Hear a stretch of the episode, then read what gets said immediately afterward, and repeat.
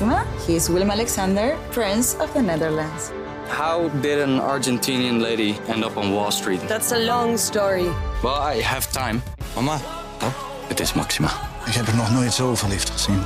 Screw everyone. All I care about is you. Maxima. Vanaf 20 april alleen bij Videoland. DWDD stopte. De vooravond kregen we ervoor terug. Er was weer een rel bij VI. En we keken massaal naar de Mass Singer. En zagen Emma op de persconferentie hamsteren. Dit is het jaaroverzicht van de AD Media podcast. Met natuurlijk weer tv-columnist Angela de Jong en mediajournalisten Guido Tienhoven en Dennis Jansen. Eh, mijn naam is Mark de Blanke en ik presenteer. Ik zou bijna zeggen start de show.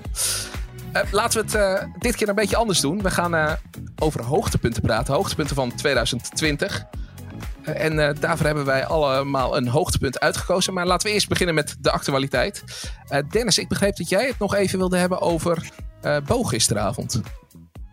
Ja, ik weet niet of we het allemaal gezien hebben. Maar vooral over het nieuwe programma dat hij gaat doen. Het satirisch programma met de persiflages op Rutte, Derksen en Maxima. Nou, ik denk dat we, ik weet niet wanneer ze dat gaan opnemen. Maar ik hoop wel dat ze daar nog wat, eh, wat eh, verbeteringen in gaan aanbrengen. Vooral in de grappen. Want ik, heb, Ik begreep dat het al opgenomen is. Ja, dit programma. Maar het wordt toch ook een wekelijks terugkerend programma, of niet? Ja, de uitzending eh, met Oudjaar, die is al opgenomen. En daarna nou, uiteraard nog niet. Nou, dan vrees ik het ergste, eerlijk gezegd. Tenminste, afgaan op wat ik gisteravond heb gezien. Want ik vond het zeer goed lijken allemaal. Maar ik moet wel zeggen, ik heb me bijna niet vermaakt. Ik vond het niet grappig. Waar kwam dat door? Eh, nou, de, de, de grappen dus. Dus eh, de, teksten, de teksten waren gewoon niet goed. Het was gewoon niet grappig. En volgens mij staat en valt eh, satire met, met humor. En eh, ja, hoe het komt. ik denk ook dat deze drie mensen een behoorlijke gunfactor hebben. Hè, Rutte doet het goed. Hè, die werd goed gepercifieerd volgens mij. Remco Vrijdag deed dat uitstekend. Misschien een beetje de Rutte van een paar jaar geleden. Hij knipperde een beetje met zijn ogen. En eh, volgens mij is dat helemaal niet meer zo. En eh, ja, Derksen die is gewoon van zichzelf prima. Daar, moeten we volgens mij niet, eh, niet, eh, niet, eh, niet gaan perciferen volgens mij. Angela, jij hebt hier ook een kritische column over geschreven. Hè? Wat vond jij ervan? Nou, ik, ik ben het in de grote lijnen eh, wel met Dennis eens. Ehm, ze hebben heel erg gekeken naar de techniek. Want het waren duidelijk deepfakes. Ehm, het hele, de vorm van het gezicht van Martine Sandifort veranderde namelijk tijdens de uitzending. En dat eh, zal de truc zijn, dit programma, waar ze eh, enorm veel van verwachten. Maar ik miste juist heel erg de, ehm, nou ja, de charme die een eh, tv-kantine dan wel heeft. Of een, een kopspijkers wel had. Dat je eh, kan zien wat voor vakmanschap erin zit. Zowel van de imitator als van de mensen van de make-up. En ehm, ik sprak toevallig vandaag nog even iemand die heel regelmatig eh, make-up doet bij dat soort programma's. En die zei van ja, je wilt toch iemand kijken, ehm, iemand in de ogen kijken. En plezier zien bij die mensen. Dat zie je niet door die deepfakes. En voor de rest, ja, eh, had ik het leuk gevonden als ze hadden geïnvesteerd in eh, tekstschrijvers. In plaats van alleen de techniek. Want dat laat het toch in Nederland heel vaak te wensen over. Ja, dat is een vak apart hoor. Persiflages, toespraken bij, bij uitreikingen. Het is het allemaal toch altijd dat je denkt: ach mensen, waarom, waarom zetten ze hier in Amerika nou gewoon twintig man op en moeten wij het weer met twee of drie doen die nou ja, al blij zijn als ze één grap kunnen bedenken? Nou, we gaan met z'n allen ik, weer wat meer de tv-kantine waarderen inderdaad. Of, of gewoon goede persiflages. Het is toch niet zo makkelijk? Waarom denkt iedereen dat ze dat maar inderdaad even kunnen doen? Het zag er ook echt heel lelijk uit. Het is echt een, eh, ik vond het echt een ontzettende flater. Nou, ik vind ook een gemiste kans, eerlijk gezegd. Want eh, als, je het, als je het al zo goed verpakt, zeg maar, met goede... Hè, ze zagen er echt wel uit. eh, als Derksen was echt... Ik bedoel, Casper Verkoot was net Derksen. Dat vond ik echt wel. Maar kom dan met Het iets haar heel slecht hoor. Ja, nou ja. Haar ach, dat verpestte het echt heel erg. Dat ik dacht van dit, en haar was te vriendelijk of zo op de een of andere manier. het was wel een vriendelijke Ja. Derksen, ja. Ja, ik begrijp dat hij het... Ik, ik heb wel begrepen dat hij het zelf helemaal niks vindt, eerlijk gezegd. Derksen. Derksen vindt het helemaal niks. Nee, dat hij zo... Ja, eh, maar dat ja. vind ik geen graadmeter. Nee, nee, bedoel, nee, eh, dat is ook zo. Derksen vindt helemaal niks, niks. Alles niks, Nee, vindt hij, dat moet ik zeggen. Ja, ja. Nou ja, ik, ik, ik, ik weet niet of je nu Rutte moet, eh, moet doen en, en Derksen ook. Ik, denk, ja, ik, ik, ik weet niet. Volgens mij hebben ze ook de verkeerde mensen gekozen. En ik heb Nou, begrepen dat Johan Cruijff ook nog te aankomt, volgens mij. Volgens mij Figo Waas gaat Johan Cruijff doen. Oké, dat is ook vreemd met iemand die overleden is. Ik denk Ja. dat wij eh, wel Nou ja, redelijk dat zeiden ze al met een lijntje eh, Maar dat had het Kopspijkers destijds ook al, toch? Want Herbe had ook een lijntje met eh eh Fortuin. Dus dat alles mag. Je kan ook, verzeker ook Derksen, mag je gewoon persifleren natuurlijk. Zeker, zeker, dus zeker. iemand Dat mag ook die, wel. die erom schreeuwt, maar doe het wel goed. Ja. En Ja, er moet wel ehm, iets te lachen ik denk echt dat die mensen die daar Ja. zitten, dat zijn die drie, die kunnen dat heus wel. Maar nu is er gewoon te veel naar die techniek gekeken en te weinig, eh, te weinig naar teksten. Maar goed, wat ik al zei, dat is een bekend probleem in Nederland. Ja, ik denk dat wij er eh, kritisch naar gaan kijken. En eh, ja, hopelijk eh, wordt het beter. Maar we hebben de hoop eh, er nog niet op staan. Ehm, er vraagt nog een zaakje in de actualiteit eh, onze aandacht. En dat is een verhaal waar Guido en Dennis mee kwamen eh, deze week. Eh, en dat is Johnny de Mol.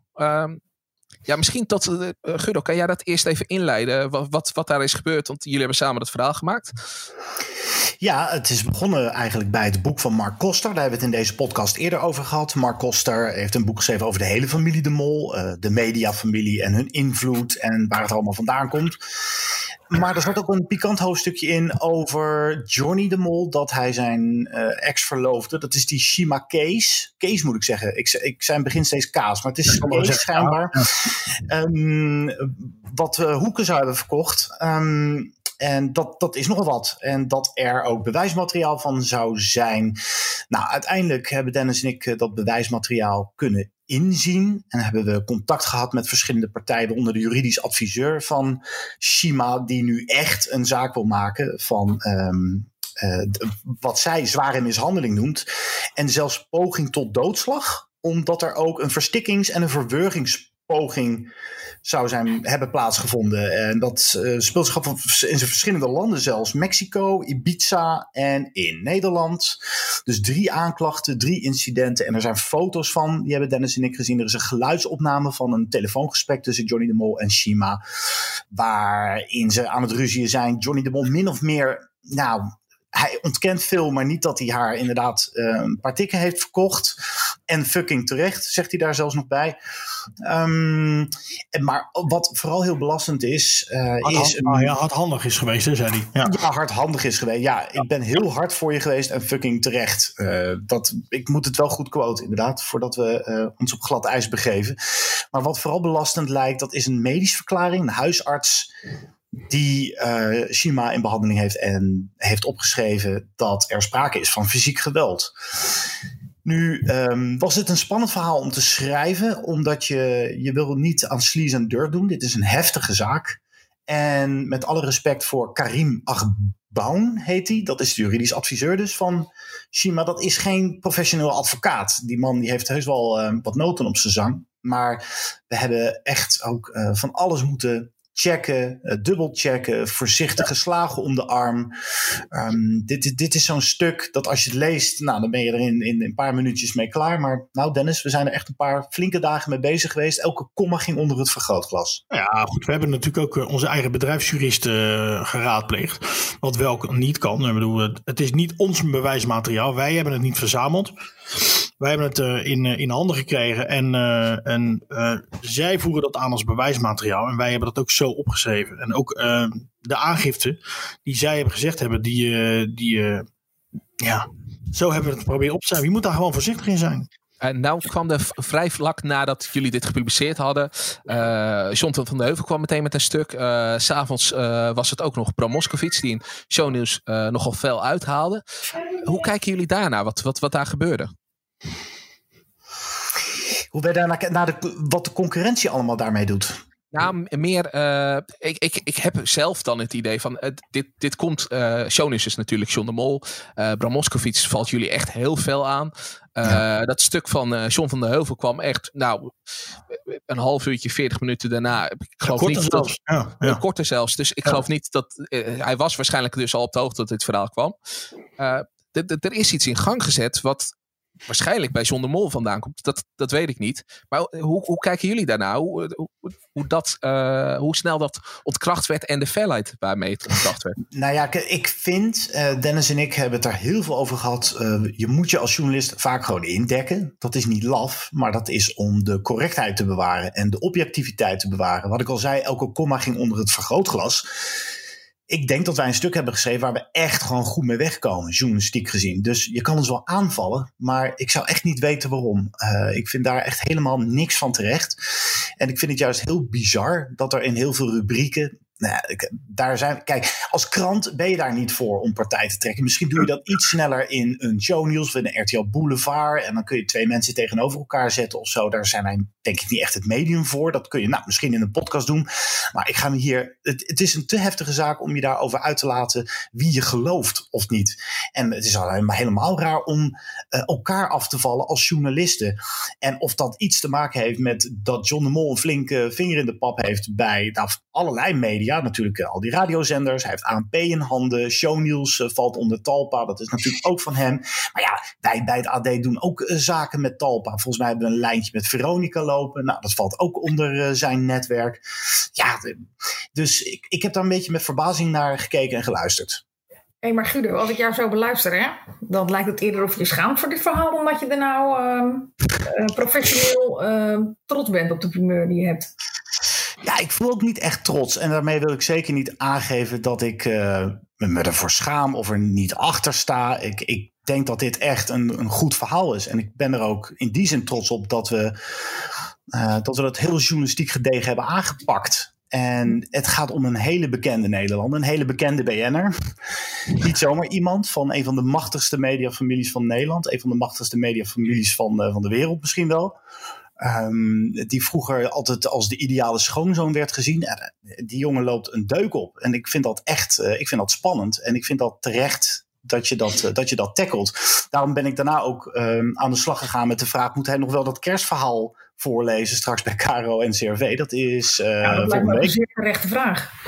Ja, en, en, we waren er vijf minuten uit. Hij gaat dat gewoon doen, want Johnny, niemand kan dat zo goed naar het nu vertalen, het kerstverhaal, als Johnny de Mol. Nou, oké, okay, dat is dan het, het, het antwoord. Nou. Maar het is natuurlijk ook niet zo dat wij juichend achter ons bureau hebben gezeten met deze primeur.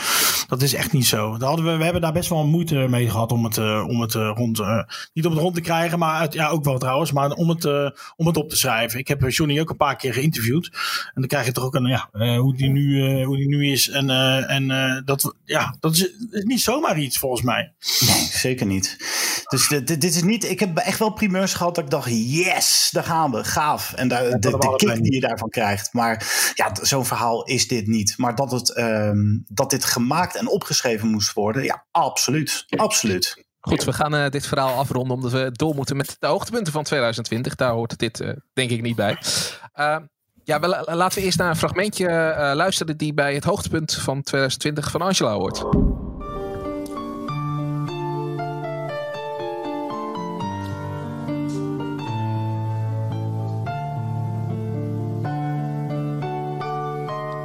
Dit gaat over een tijd, een lang vervlogen tijd. Ik ben het niet vergeten. Als beginnend kunstenaar. De verf zat vaak tot mijn haar. De koude zolderkamer met een bed en tafel, twee kapotte stoelen.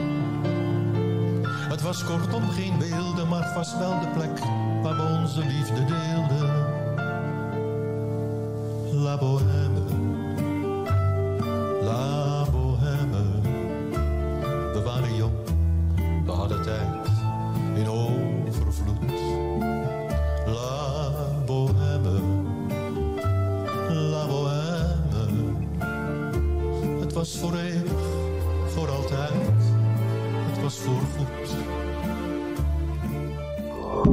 Nou, dit was uh, overduidelijk uh, La Bohème van uh, André van Duin bij De Wereld Door. Angela, waarom is dit jouw hoogtepunt?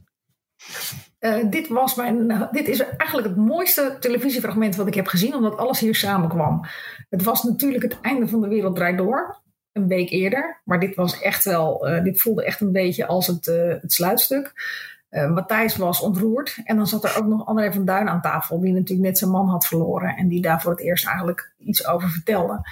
En uh, als je dat combineert met de sfeer die er in Nederland hing. We zaten toen natuurlijk vol in de eerste golf. Iedereen was heel erg bang. Wist niet uh, wat er allemaal ging gebeuren. Uh, en tegelijkertijd gebeurden er allemaal dingen om je heen die je nooit voor mogelijk had gehouden. Vliegtuigen bleven aan de grond, scholen waren dicht. Nou ja, noem maar op. En um, dat kwam eigenlijk allemaal samen in dat lied, in die tekst, in die blik van Van Duin, in die blik van Matthijs. En tegelijkertijd troostte het. het nummer. En het gaf hoop. En dat Het is was- eigenlijk altijd de mooiste televisie eh, die er is. Het was uiteindelijk toch een, een, een legendarisch afscheid toch, van de wereld draait door. Want ja, eh, normaal gesproken had daar heel veel publiek gezeten. Hè, eh, een, een, dus een andere uitzending, een feeststemming. Dit is, dit is uiteindelijk toch wel meer legendarisch dan, dan ooit volgens mij. Ik moet even denken aan de laatste aflevering van Umberto Tan bij RTL Late Night. Dat was exact het tegenovergestelde van Ja. dit. Ja, ja, maar dat vond, dat vond ik ook juist wel zo, eh, zo leuk daaraan. En zo bijzonder. Want ze zullen het, dat heeft Matthijs natuurlijk ook al een paar keer gezegd. Ze hadden het zich natuurlijk heel anders voorgesteld. Het hele afscheid met eh, studio's vol en fanfares en operakoren. En nou ja, noem maar op wat er allemaal binnen moest trekken. Maar juist eigenlijk doordat ze zo 180 graden de andere kant op gingen. Naar die verstilling. En naar eh, eh, heel intiem en hele kleine dingen. Eh, dat, dat maakte het eigenlijk wel heel bijzonder. Ik denk echt dat ze daar in die laatste weken nog eens een keertje hebben laten zien hoe creatief ze daar zijn. En vooral ook Matthijs, hoe bijzonder goed zij aanvoelen wat de sfeer is in Nederland en de stemming en hoe zij daarop inspelen. En Nou, dat zag je daar weer. Nou kies jij natuurlijk voor eh, het fragment met André van Duin. Maar er waren zelfs meer opties geweest. Je had eh, Marcel Veenendaal van eh, Direct. Die daar door de studio loopt. achter de Dat schermen was zelfs. dezelfde uitzending, volgens mij. Ja, ja, die dat Soldier is On. helemaal ondergesneeuwd door André van Duin. Maar het was ook schitterend over dat lege Westergasterrein. We hadden natuurlijk nog één moment bij de Wereldrijd Hoor. En dat was natuurlijk Rob de Nijs. Die heel fragiel op het podium kwam. Klopt, dat was ook heel mooi. Maar zo zaten er heel veel dingen in dat eh, interview, of in die laatste reeks van De Wereld Draait Door. Ik herinner me ook nog Bo, die met tranen in zijn ogen voor zijn moeder zong, omdat hij die al weken niet had gezien. Het was echt een heel bijzonder afscheid. En ehm, het programma, wat eigenlijk altijd zo eh, heel erg vol was van zichzelf. Want ik heb ze een paar keer verweten dat het bij de Wereld Draait Door heel veel wij van WC Eend adviseren WC Eend was. Zo geweldig was die Lucky geweest en zo geweldig was dit. Vond ik juist dat ze een heel sereen en eh, ehm, mooi afscheid hadden. Zonder dat ze zichzelf enorm op de borst klopten. Dus ik heb er echt van genoten van die laatste weken. Oké, dan gaan we nu eh, door met het eh, volgende fragmentje. En dat is het eh, hoogtepunt dat eh, Dennis heeft uitgekozen. Ik maak een verkeerde grap. Hè? niet voor de eerste keer, voor de duidelijkheid, Nee, nou, maar- voor ja. mij doen was hij niet eens zo slecht, want ik heb wel slechtere gemaakt. Maar dit was een verkeerde grap. Maar als je een spraakmakend, onafhankelijk programma wil maken... dan balanceer je wel eens op het randje en dan ga je er ook wel eens overheen. En dan zo'n grap nu, die komt dan ook op een verkeerd moment, denk ik. En het was geen grap. Het was als grap bedoeld. Kijk, en dat is nou precies wat mensen graag willen horen. En dat is dan nu besproken. Wat ik me niet gerealiseerd heb, ik twitter niet en ik zit niet op Facebook, dus ik volg dat niet zo. Eigenlijk heb jij mij daar opmerkzaam op gemaakt. Er is een soort nationale. Nou, wedstrijd gaande. me- mediastrijd, een soort, soort, soort binnenlandse strijd met twee kampen. Die zo onsmakelijk is met bedreigingen over en weer waar hele gezinnen eh, bedreigd eh, worden. Het is een social media oorlog geworden. Dennis, eh, waarom heb jij voor dit specifieke fragment gekozen?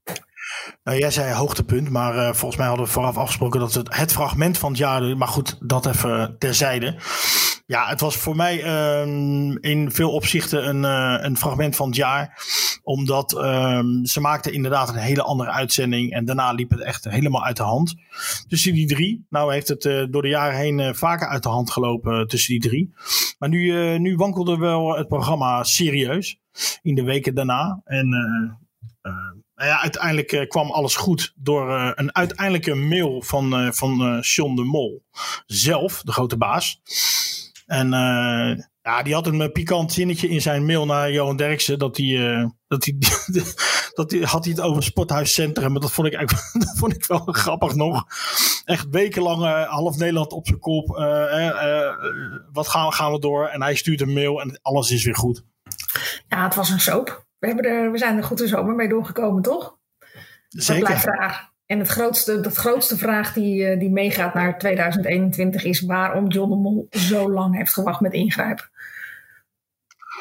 Ja, want de bazen konden het niet. Marco Lauwers, eh, eh, ik, was, ik was toen in Zwolle, in dat hotel. Daar waar ze dan een ultiem eh, laatste gesprek hadden. En eh, zelfs daar werd, eh werd volgens mij nog gebeld door Marco. Van jongens, los het op. Maar ook hij kon het niet. Dus uiteindelijk moest, moest het tot een mailwisseling komen tussen Derksen en, en John de Mol. Ook per mail. Het is toch ja, je pakt dan naar zo'n uitzending, eh, als het, je ziet dat het drie dagen door het pak je toch als je John de Mol bent de telefoon. En dan bel je toch ze alle drie op en dan zeg je jongens, prima als jullie eh, als een stel kleuters gebruiken, maar jullie zitten daar gewoon twee keer in de week. En wat jullie daarbuiten doen, dat zoeken jullie maar uit, maar voor de rest is het nu klaar. Ja, ja dat heeft veel, lang, heeft veel te lang geduurd. Waarbij, er- waarbij er toch wel iets, iets stuk is gegaan volgens mij. Volgens mij, eh, ja. Ja, ik vind Ja. wel dat ze alle drie echt eh, behoorlijke schade hebben opgelopen. En dat had dus niet gehoeven als je het meteen na die drie dagen de kop in had ge... Dus daarom, daarom, dat snap ik er gewoon niet aan.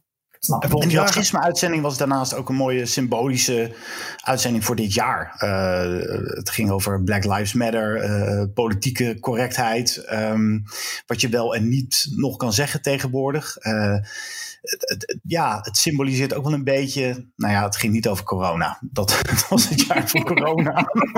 dat is het enige wat er nog aan ontbrak. Vonden we het denk ik ook met z'n allen zo fijn. Even iets anders dan corona en mondkapjes. Misschien en is dat gezeur. het wel, ja. Maar goed, zij moeten volgend jaar dus door eh, zonder Champions League voetbal. Het laatste jaar van Derksen is zonder Champions League voetbal. Ik denk dat, eh, dat René van der Gijp daar het meeste van baalt. RTL eh, heeft de rechten gekocht van, van Champions League. en dat is best sensationeel. John de Mol dus niet. Die gingen er wel voor. Maar RTL heeft uiteindelijk de rechten voor de Champions League verworven. Van een bedrag tussen de 10 en 15 miljoen. Dus ja, dat wordt Europa League. Toch nog leuk met eh, heel veel Nederlandse clubs.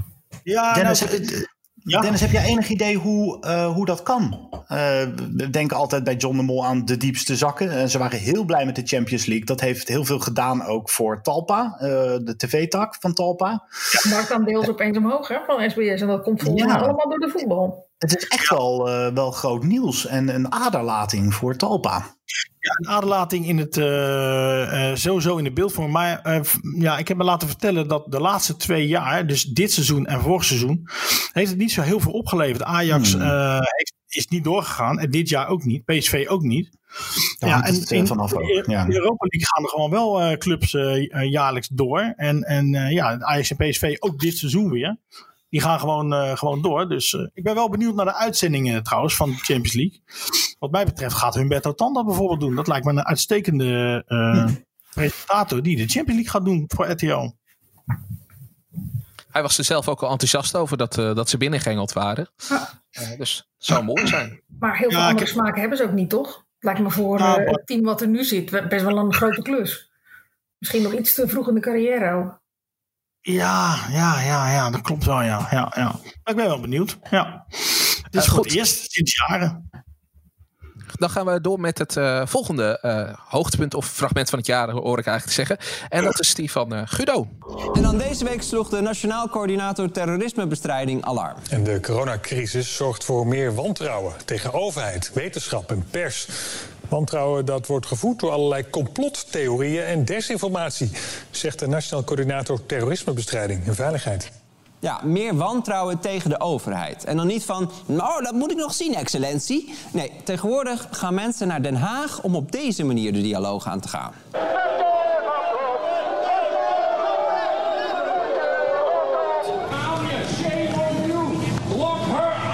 Je altijd iedereen? Ja, je volk. Verraad je altijd iedereen? Huh? Ja, wat bedoel je? Is het normaal dat je volk verraadt? Wat moet dit Kamerlid nu zeggen? Of het normaal is dat ik het volk verraad? Mm, dat is een goeie. Weet je, gooi het anders even op de mail, dan ga ik er naar kijken. Ja, Arjan Lubach. Zondag met Lubach. Ik denk de meest vlijmscherpe uitzending die hij dit jaar maakte. De fabeltjesfuik. Het is... Dit is eh, nou, het jaar van corona, we zeiden het net al. Maar het is ook het jaar waarin we binnen vriendengroepen, binnen families ruzie hebben zien ontstaan. Ik heb het zelf ook. Ik heb ineens pittige woorden met mensen waarvan ik dacht dat we, er al, dat we altijd op één lijn lagen. Over eh, eh, de, de zin en onzin van corona en de rol van de media. En, en ja, hier werd echt korte metten gemaakt met ehm, de viruswappies. Laten we het woord gewoon gebruiken. Het was ook in de running voor het woord van het jaar, geloof ik. Het is hem niet geworden. Um, maar hij, hij legt hier gewoon perfect het systeem uit. Dat er bij Facebook en bij uh, YouTube ook vooral. Er zit gewoon een verdienmodel achter om. nou ja, niet, niet zozeer fake nieuws, maar dat je langzamerhand, langzamerhand de tunnel in wordt gezogen, waarin je steeds meer artikelen voor je kiezen krijgt die alternatieve feiten presenteren. Of die uh, geschreven zijn door uh, nou, mensen die, die het er niet mee eens zijn. En hoe dieper je in die tunnel komt, hoe minder je ook van de andere kant hoort. Uh, mensen die niet naar de gebruikelijke nieuwsrubrieken kijken, die zullen wat sneller ook ontvankelijker zijn, ontvankelijk zijn misschien hiervoor. Maar het is vooral het, het, het hele systeem dat Lubach op zijn manier met heel veel humor aankleedt en ja, haar fijn uitlegt. Ja, waarom we hier met z'n allen intrappen. Of hoe een groot deel van Nederland hier intrapt. Tenminste, dat, dat weten we ook niet zeker. We zagen clubjes op Malieveld soms demonstreren. Dat was ook maar een klein uh, percentage. Zo groot was die groep nou ook weer niet. Maar ik heb wel het idee dat er, uh, dat er echt wel een, een tweedeling is ontstaan in Nederland. En dat heel veel mensen even een flinke hoek kregen van Lubach. Op de manier waarop, zoals hij alleen dat kan. Gaan we hem dan ook missen nu die ja. ermee stopt? Ja, zeker. Hij kon als geen ander gewoon. het is niet alleen een satirisch en humoristisch programma, maar ook als informatief programma gaan we het denk ik missen. Ik heb er ook heel veel van opgestoken. Zoals uh, ja, ja, ja. Ja, dat item over begrijpend lezen bijvoorbeeld. Uh, dat is me ook altijd bijgebleven. Waarom we dat nou in vredesnaam doen op de basisschool. En dat, dat Nederland daar redelijk uh, alleen in staat. Dus ja, ik ga het vreselijk missen. Maar op meer fronten natuurlijk ook politiek en met zeer ingewikkelde materie, als bijvoorbeeld dat handelsverdrag TTIP. Ik bedoel, toen dat speelde, toen kon hij dat natuurlijk ook haar fijn uitleggen waarom dat eigenlijk geen goede zaak is. Zeker. Ja, hij is, maar goed, hij is nog niet weg, hè, jongens. Er komt nog één seizoen. Ja, dat is ook zo. Dus daarna zal hij wel uitgeluid worden en gaat hij hopelijk wel iets anders doen wat net zo leuk is. Maar hij heeft een heel goed seizoen achter de rug. Vond eigenlijk ja. iedere, jij zei het is echt de, de meest scherpe. van eigenlijk iedere uitzending vond ik heel erg goed. Elke uitzending was raak, vond ik ook. Elke uitzending was er wel de moeite waard om te kijken. En eigenlijk heb ik dat ook een beetje met even tot hier hoor nu. Absoluut. Dat vind ik eigenlijk ook altijd de moeite waard om even te kijken. Ze hebben een hele originele insteek. En inderdaad, waar ze bij Bodus gisteravond met die teksten worstelden, dan zijn zij gewoon echt uitstekend met die teksten. Maar ook met invalshoeken, vind ik. Ja, en ook met kleine dingen. Want ik vond van de week bijvoorbeeld dat, ze, dat die stond te drummen op zo'n gourmetstijl. Dat vond ik echt zo fantastisch gevonden. Ja, het zijn allemaal die kleine dingen, maar dat is ook wat, je deze, wat de televisie deze tijd bijzonder maakt. Weet je wel, het, is, het zit niet in de grote dingen, het zit hem juist in de kleine dingen deze periode. En al die metaforen, dat was natuurlijk echt, ja, dat was briljant. Dat herkende ja. iedereen. Maar nou, mag ik één ding zeggen, Guido? Jij zei net van een behoorlijke tik om de oren van al die viruswappies. Um, ik vond het juist eigenlijk um, meer uitleggen van hoe het kan dat mensen zo die tunnel ingaan, zoals jij het omschreef. Dus, en de mensen die, aan wie het betreft, die kijken het natuurlijk niet. Dus uh, er zal niemand bekeerd zijn door die aflevering van, van uh, Lubach, ben ik bang. Maar um, ja, weet je, ik, ik vroeg me, je vraagt je toch heel vaak af uh, van hoe kan het dat mensen van die rare ideeën hebben. En dat legde die juist echt heel erg goed uit, vond ik. Met behulp van Facebook en met, met YouTube, zeg maar. Ik heb later ook nog eens een keer gekeken op mijn eigen YouTube-account. Dan zag ik inderdaad allemaal Pearl Jam. Nou ja, dat heb, ik dan, dat heb ik dan inderdaad gedraaid. En dat popt dan gewoon weer op. En dat had hij, ja, iedereen kent het eigenlijk wel, maar had hij toch wel heel duidelijk in beeld gebracht. Nu, nu we het toch over een soort van tunnelvisie hebben, uh, wil ik even toch een bruggetje terug naar Guido maken. Want wij hadden eigenlijk allemaal verwacht dat jij een ander fragment zou kiezen. Ja, ik geloof het ook, ja. maar mag dat dan jouw fragment zijn? Nee, nee, nee, nee, nee. Ik, ik, ik, ik, ga straks voor iets anders. Maar uh, ik, ik, ik, ga even wat laten horen. Hey Guido, met uh, Jeroen Kijkenvechten. Uh, er bereikte mij een bericht in het geheime uh, Mollengenootschap dat jij ermee gaat ophouden. Dat je ook ja, je gaat focussen op hele andere onderwerpen dan wie is de mol. en ja, weet je, dat is misschien maar beter ook. Ik bedoel, als je zo vol op Nicky zat en het gewoon uh, niet in de gaten had. Ja, dan is het inderdaad een slim idee om uh, gewoon op een gegeven moment je conclusies te trekken, uh, denk ik. ik wens je heel veel plezier met je nieuwe job en maak er wat moois van. En we spreken elkaar ongetwijfeld nog wel weer even een keertje. Dag Ido, het gaat je goed. Schitterend, wauw, dit is een verrassing. Um, ja, jeetje. Wat leuk. Uh, dit zag ik niet aankomen. ja, ik heb heel lang uh, Wie is de Mol voor het AD gedaan ook. Uh, ik, ik heb heel veel gedaan voor de mediaportfolio. Ik ben, natuurlijk mediaverslaggever geweest de afgelopen tien jaar of zo. Maar Wie is de Mol...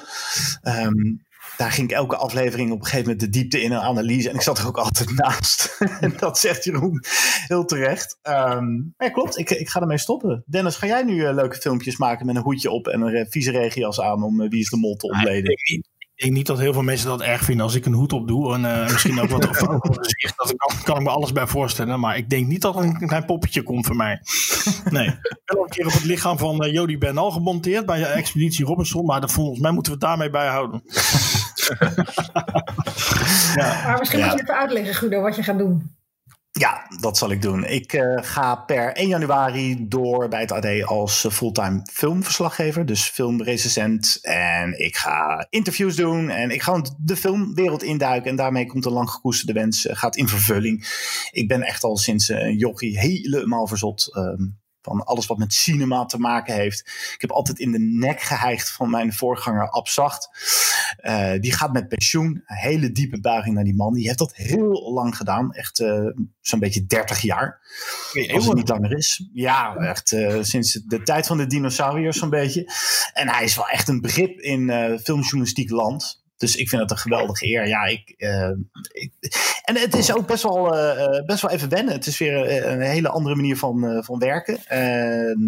ik ga de mediawereld ook wel missen. Ik vond dat een ontzettend, ontzettend spannende wereld om um, verhalen over te schrijven, om verhalen uit te, te duiken. En, um, maar ik weet dat het in goede handen is bij mijn collega Dennis Jansen. Dus ik, ik hoop dat jij vrolijk doorgaat. Ik, nou, heel vrolijk. Echt heel vrolijk. ik, denk trouwens dat, ik vermoed trouwens dat jij dat in je nieuwe métier ook gewoon Guido wordt genoemd. En Guido. En, hè? oh, maar dan ben ik zo gewend dat ik Guido of Guido wordt genoemd. En daar, daar, sta ik, daar sta ik niet eens meer van te kijken. Er zijn nog steeds uh, collega's die ik echt al jaren ken. Die zeggen ook nog steeds Guido. En ik ben er gewoon mee opgehouden om ze te corrigeren. Ik vind het allemaal prima. Um, ja, maar dat betekent dus ook dat je deze podcast gaat verlaten uh, na, na deze aflevering. Ja. Uh, maar ze kunnen je wel blijven luisteren via een andere podcast, toch? Maar dan over film? Ja, ik doe dat uh, al heel lang. Movie Insiders, dat is mijn eigen filmpodcast. En uh, die mag ik meenemen naar het AD. Dus dat is iets ja, wat ik echt heel tof vind. Dat is echt mijn kindje. Daar ben ik 13 jaar geleden mee begonnen. Met een goede vriend van mij. En die blijven we gewoon vrolijk maken. Dus elke week de laatste, film, de laatste films bespreken. Ehm, natuurlijk met heel veel oog voor wat er uitkomt op VOD. Want de bioscopen zijn nog even dicht. En ik vrees dat uh, bioscoopland ook nog wel eventjes uh, op zijn gat zal blijven liggen. Maar ja, vrolijk door uh, met podcasten, maar dan over een ander onderwerp. Movie Insiders is dus te beluisteren per 1 januari. Um, ook bij het AD. En op Spotify, zoals nou, genoeg podcast ook genoeg is. Ja, reclame, genoeg reclame voor mezelf. Uh, ja, want uh, we moeten nog één fragmentje hebben. En dat is uh, ja, presentatoren met een mening. Dus ik dacht, dat is mijn fragment. Laten we daar gaan luisteren. Vandaag is uh, Geert Wilders schuldig bevonden aan uh, groepsbelediging mm -hmm. uh, door het uh, Hof in Den Haag. Vanwege de uitspraak in 2014? Vanwege de uitspraak 2014 over minder Marokkanen. Kijk, daar kan je van alles over vinden en zeggen dat het smaaklo smaakloos is. Dat vind ik in elk geval. Hij is overigens wel vrijgesproken van aanzetten van, tot haat. tot, haat. en discriminatie. Hij gaat in hoger beroep, um, noemt het corruptie. En daar komt eigenlijk een beetje mijn frustratie. Um, het is ook een beetje corruptie. Um, ik vind dat hele proces één grote aanfluiting omdat het een uh, politiek gemotiveerde vervolging uh, is. Het is eigenlijk een politiek proces. We weten, er zijn duidelijke aanwijzingen dat um, het, ja, de vooringenomenheid, de adviezen uh, van de, de, hoge ambtenaren bij uh, het ministerie van Justitie ja. en de minister van Justitie uh, opstelde destijds zelf, het OM hebben geadviseerd over ja. hoe ze deze man die kwaadaardige uitlatingen doet, moeten aanpakken. Ja. En ja, weet je, in een rechtsstaat die we serieus willen nemen, denk ik, waar gaat dit over? Ja, dat was Fidan Ekis die het heeft over Geert Wilders. Uh, en dat was voor mij uh, het fragment van het jaar. Uh, niet alleen omdat het een presentator is met een mening, maar ook een kentering is geweest op de vooravond. we hebben natuurlijk heel lang de wereldrijd doorgehad. wat ik trouwens heel goed vond, dat zij waren wel links gekleurd, maar ze waren niet eh, ze waren niet politiek links. eh, zo- zo moet ik het misschien omschrijven. En de- Zaten ze links aan tafel? Hoe- ja, ze zaten allemaal links aan tafel en de koffie werd links geroerd. Nee, de eh, tafel het- draaide linksom ook nog. Precies. Nee, het, eh, het was veel cultuur en dat soort dingen. Dus echt een beetje het, eh, het, het linkse segment. Eh, en nu zie je dat ook bij M. Nou, ja, Cultuur dat, is dat- links dus. Hm. Ja, cultuur Oké. is links. Eh, elitair. Elitair is links. Eh, maar dat maakt niet uit. Je hebt- eh, in de staart, jongens. eh, je hebt nu M. En M eh, is nog erger. Dat is gewoon, ja, dat is. eh, de grachtenrollen woke is misschien eh, nog te licht omschreven voor hun. Zo hoor ik hier een presentator met een mening. Ja, Zeker. zo dan. En, en toen had je opeens Fidan, die, en ja, het ma- ma- maakt mij niet zoveel uit dat ze het nu in dit specifieke geval voor eh Wilders opnam. Maar je zag wel dat er een kentering was dat eh, nu beide geluiden te horen zijn. Dus je hoort nu het linkse en het rechtse geluid op de vooravond. Eh, en nou, dat vond ik wel verrassend dat de NPO daarvoor heeft gekozen. Dus naast M. En dat het van de VARA is ook nog eens, hè? Van origine Zeker. toch een behoorlijk eh, eh, linkse omroep. Maar ehm, ik ben het met je eens. Ik vind het gewoon... eh, volgens mij zit het succes ook heel erg in dat duo. Dat ze gewoon een leuke chemie hebben met z'n tweeën. En eh, durven open te zijn over wat ze vinden daar aan tafel. Want je weet dat je een enorme hoeveelheid bagger over je heen krijgt. Welke kant je ook opgaat. En eh, ik hoop dat ze ook dat tweede seizoen die onbevangenheid kunnen houden. Want ze hebben eh, natuurlijk ook behoorlijk wat kritiek gehad. Bijvoorbeeld over die eh, uitzending over waar ze het over abortus hadden. Nou, geloof ik ook niet dat, dat Renze Klamer daar zelf heel gelukkig mee was met wat hij daar zei. Maar ehm, ik heb toen geschreven, de grootste troef is dat ze daar gewoon ook tegen een stroom in durven gaan. En een kijkje in hun hart durven te geven. En dat moeten ze, dat moeten ze vooral blijven doen. Want dat maakt dat programma, ja, ik weet niet, dat je er gewoon heel graag naar kijkt. Nou, ik heb daar wel vertrouwen in. Volgens mij gaan ze dat ook gewoon doen. Ik ben ook gro- groot fan van eh Fidan en Renze. Dus ze doen het echt leuk. Ze moeten alleen nooit meer gaan zingen met z'n tweetjes. Eh, nee. Nou, of jij- Renze zelf met zijn liedjes vind ik op zich nog wel een, een leuke toevoeging. Niet dat, dat hij dat eh, elke, dag moet doen. Je vindt weer iets. Ja, ik, ik vind wat. eh, dat, eh, Ja, ik vind wel doseren daar ook een beetje de, de bot. Als hij iedere vrijdag bijvoorbeeld iets zou doen om het weekend in te luiden. Maar ja, zo aan het einde van het seizoen vond ik het voor één keertje best schattig. Maar daarna moet echt Fidan niet meer gaan zingen. En eh, ze, moeten, ze moeten het gewoon kijken wanneer het heel erg gepast is en wanneer niet. Maar ze, ze durven af en toe en dat is wel heel fijn. ja, dat, eh, dat vond ik ook. Eh, tot zover mijn mening. Eh, ja, la- laten we hem afronden. Ja, misschien uh, het is de laatste van 2020. Guido, bedankt. Uh, ja, Guido, bedankt. Uh, wie weet wil iemand nog een kerstgroet doen? Een kerstgroet? Aan de militairen in het buitenland?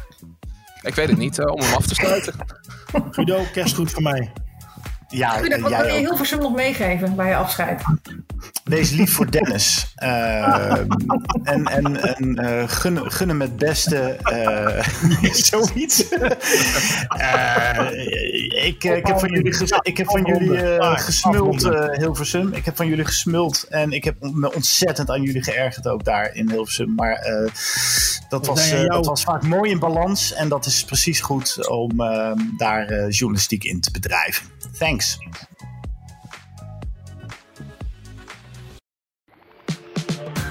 zeggen toch, het leven begint bij 40. Ja, maar wat begint er dan precies? De nou, weg terug?